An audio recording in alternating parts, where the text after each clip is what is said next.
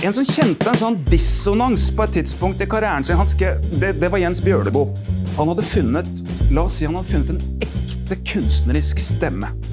En ekte kunstnerisk stemme. Det han skrev, var bra, liksom. Det hadde bitt, det var salt, det var, det var bra. Og likevel så begynte han å merke et slags merkelig ubehag.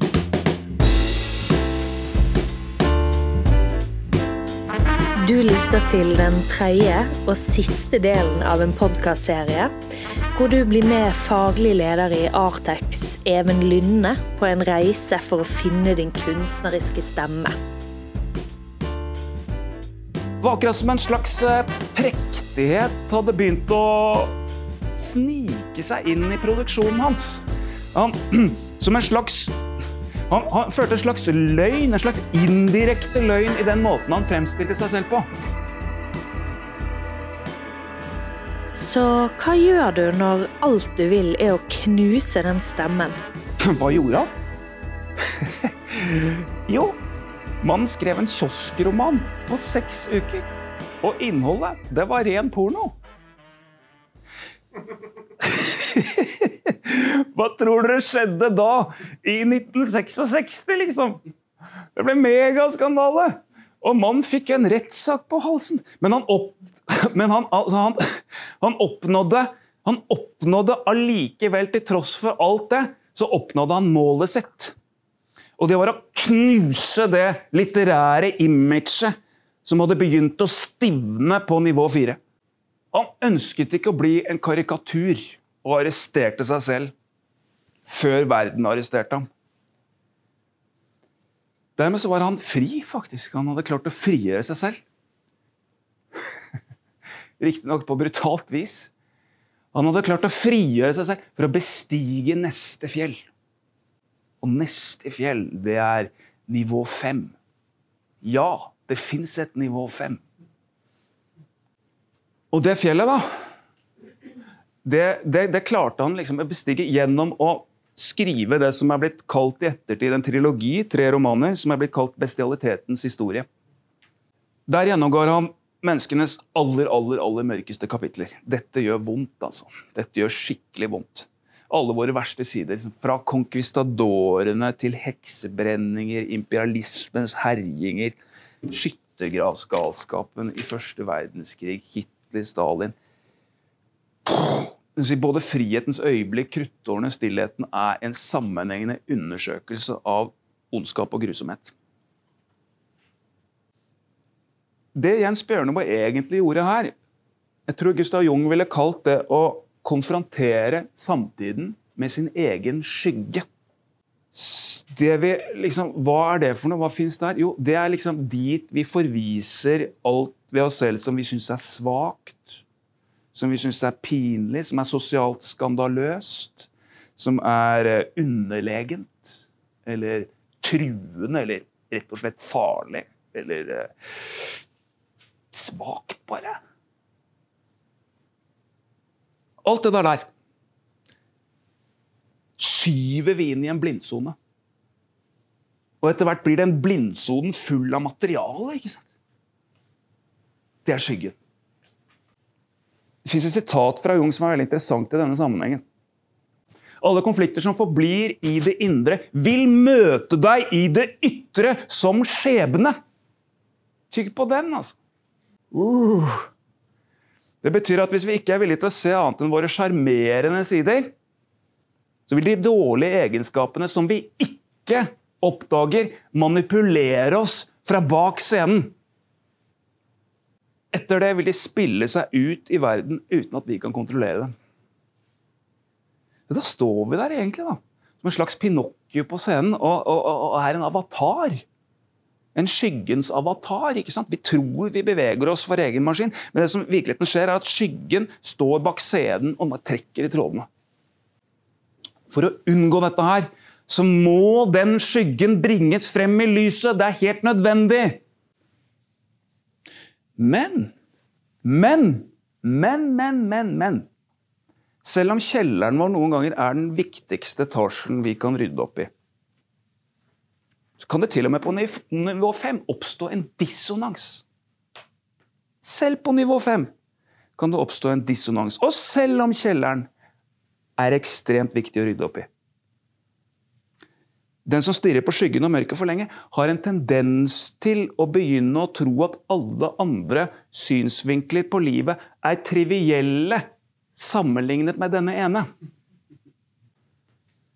Etter hvert som denne overbevisningen biter seg fast, begynner andre sider ved tilværelsen å virke blasse og fargeløse. De mister liksom virkelighetskarakter og fremstår etter hvert mer og mer som illusjon. Ja, ja, ja, du er glad, du. Mm.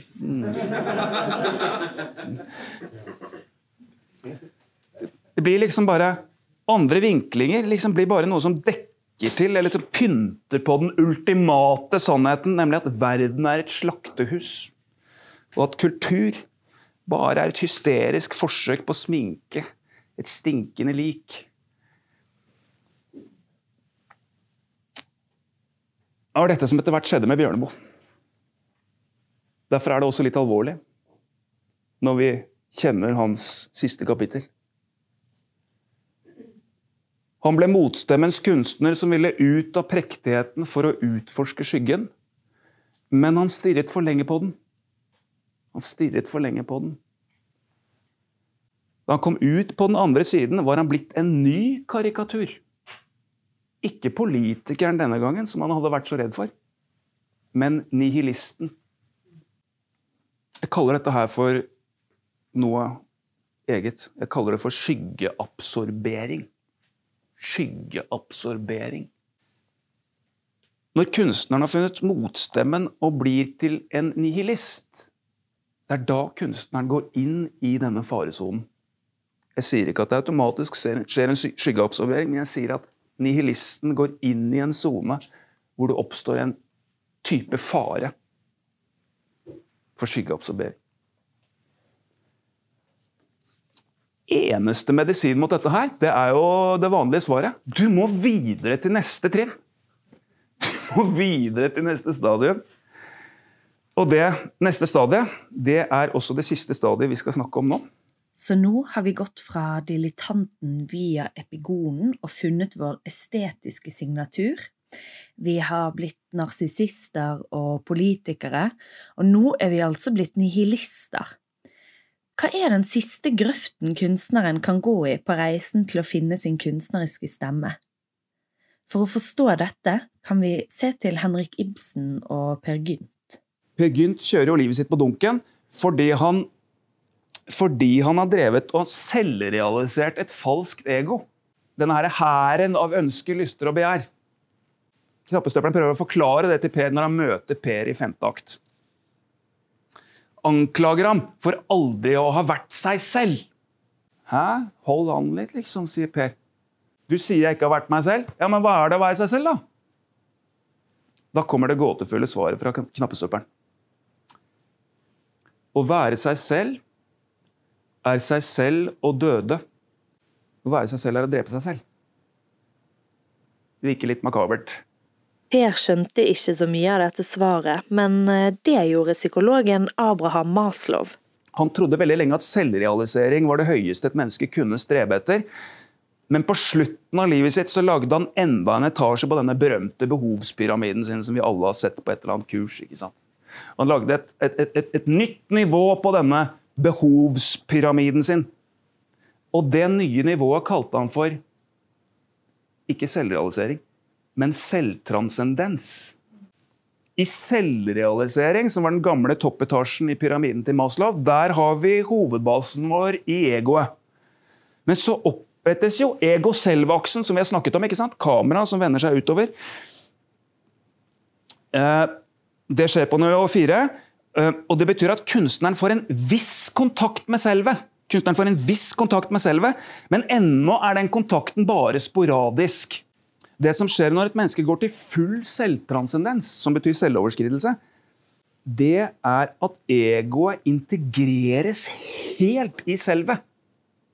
Egoet på en måte forsvinner i dagslyset fra selvet og blir mer en tjener enn en premissleverandør. Det er ikke det at ego blir, Vi trenger ego for å navigere i hverdagen, og så men ego blir ikke premissleverandør. Det blir mer en tjener. er du med? Det, det, det, forsvinner litt i lyset. Vi vet at månen fortsatt er der, men vi ser den ikke. Det forsvinner i lyset fra solen.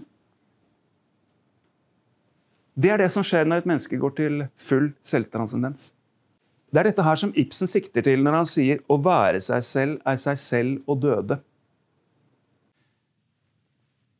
Å være seg selv, det er å slutte å være egoet og begynne å være selvet. Det er å være seg selv. Det der skjønner jo ikke Per. Eh, knappestøperen registrerer det og sier litt sånn oppgitt Men på deg er saktens den forklaring spilt. Ok, jeg gjør et nytt forsøk. Så derfor la det kalles overalt å møte med mesters mening til uthengsskilt. Ok. Så på dette siste nivået er det altså noe som også krever handling.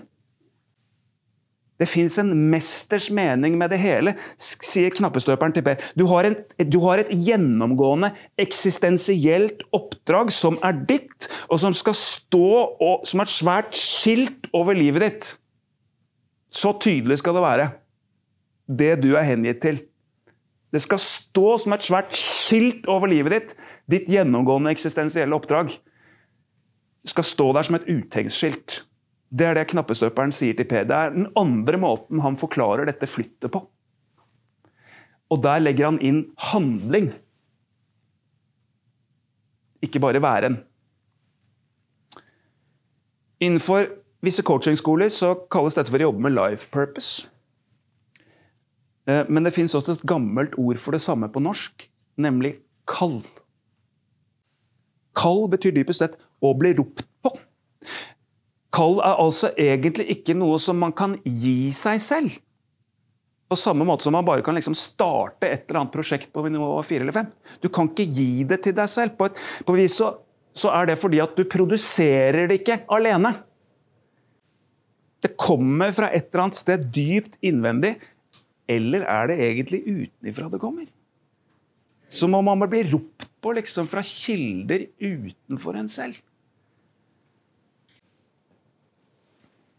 Hovedsaken er dette Denne livsoppgaven som gir retning til alt annet som du klarer å gripe når du, når du tar dette flyttet inn i selvplansendens.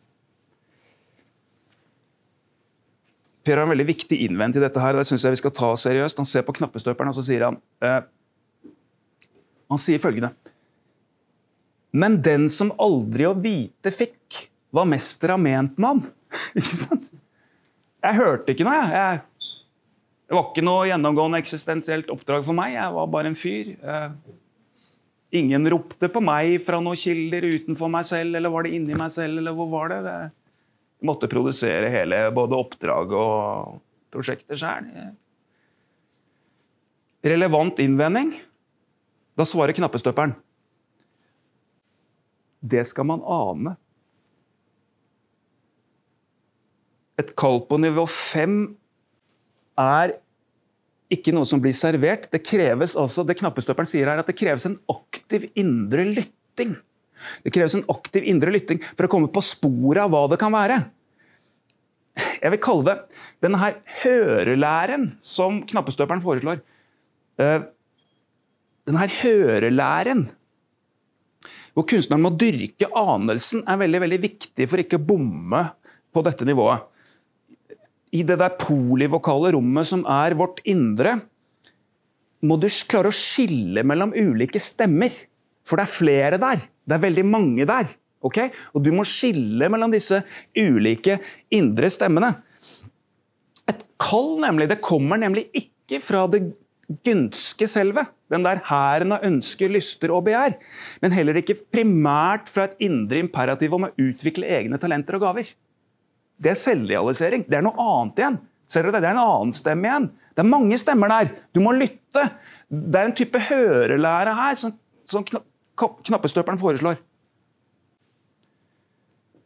Det ekte Kallet kommer fra selvets stemme og gir den ultimate følelsen av å realisere en dypere mening med livet. En type mening som handler om noe større. Alltid handler om, alltid handler om noe større enn bare meg.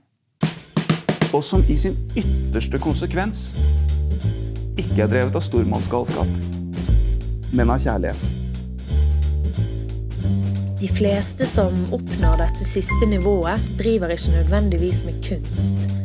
Men likevel så er det en kunst det de har drevet på med, alle sammen.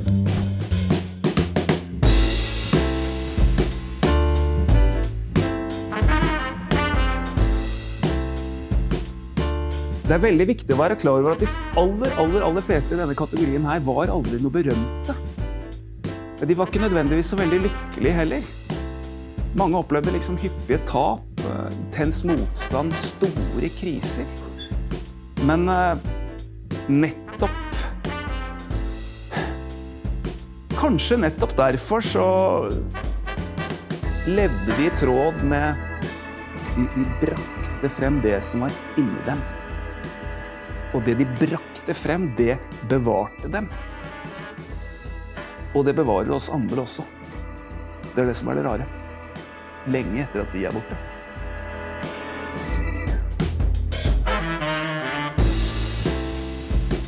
Denne podkasten er laget av Talent Norge, og reporter det var meg, Hilde Krohn Leinebø.